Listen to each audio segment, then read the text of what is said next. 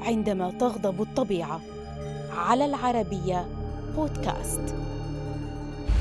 بينما كان السكان في هايتي معتادين على كثرة الأعاصير في بلادهم. ضربهم زلزال قلب حياتهم رأسا على عقب وجعل بلادهم خرابا وترك وراءه مئتي ألف قتيل وثلاثمائة ألف جريح.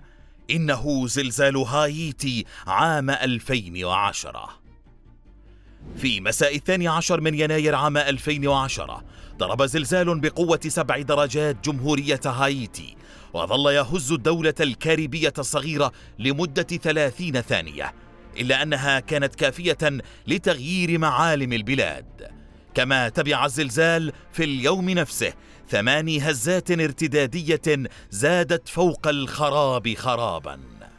تسبب الزلزال في تدمير قرابة الثلاثمائة ألف مبنى وتعرضت جميع مستشفيات العاصمة لأضرار جسيمة وأصبح مطار بورت أو برنس وميناؤها البحري غير صالحين للاستخدام. وأصبحت الطرق الرئيسية غير سالكة وانقطعت شبكات الاتصال وخطوط الكهرباء. وبحلول الليل أخذت الحرائق في الانتشار. أحداث كارثية لم ترحم البنية التحتية الضعيفة في هايتي وكانت سببا في تفاقم الدمار وانتشاره. تسبب زلزال هايتي في نزوح أكثر من مليون شخص من المناطق المدمرة ولجأوا للعيش في خيام على الجزيرة. وأعقب الكارثة غياب الإمدادات الكافية من الطعام والشراب مما أدى إلى انتشار أعمال النهب والسرقة. وما زاد الأمر سوءا أكثر هروب مئات السجناء من السجن المركزي في العاصمة بورت أو برنس بعد تضرره هو الآخر بفعل الزلزال. تكدست جثث الناس في الشوارع في هايتي بعد وصول المشارح إلى كامل طاقتها الاستيعابية. وهذا ما أجبر الحكومة على دفن العديد من الجثث في مقابر جماعية. كما توفي الكثير من الأشخاص نتيجة عدم علاج الإصابات الخطيرة في ظل غياب الطاقم الطبي والإمدادات.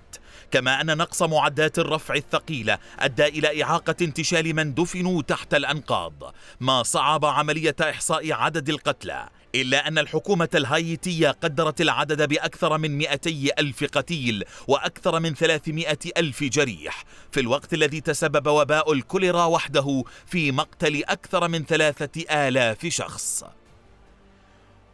وعلى الرغم من أن الاستجابة الإنسانية من مختلف أنحاء العالم كانت بشكل فوري فإن البنية التحتية المدمرة جعلت إيصال المساعدات إلى المحتاجين في هايتي أمرا بالغ الصعوبة.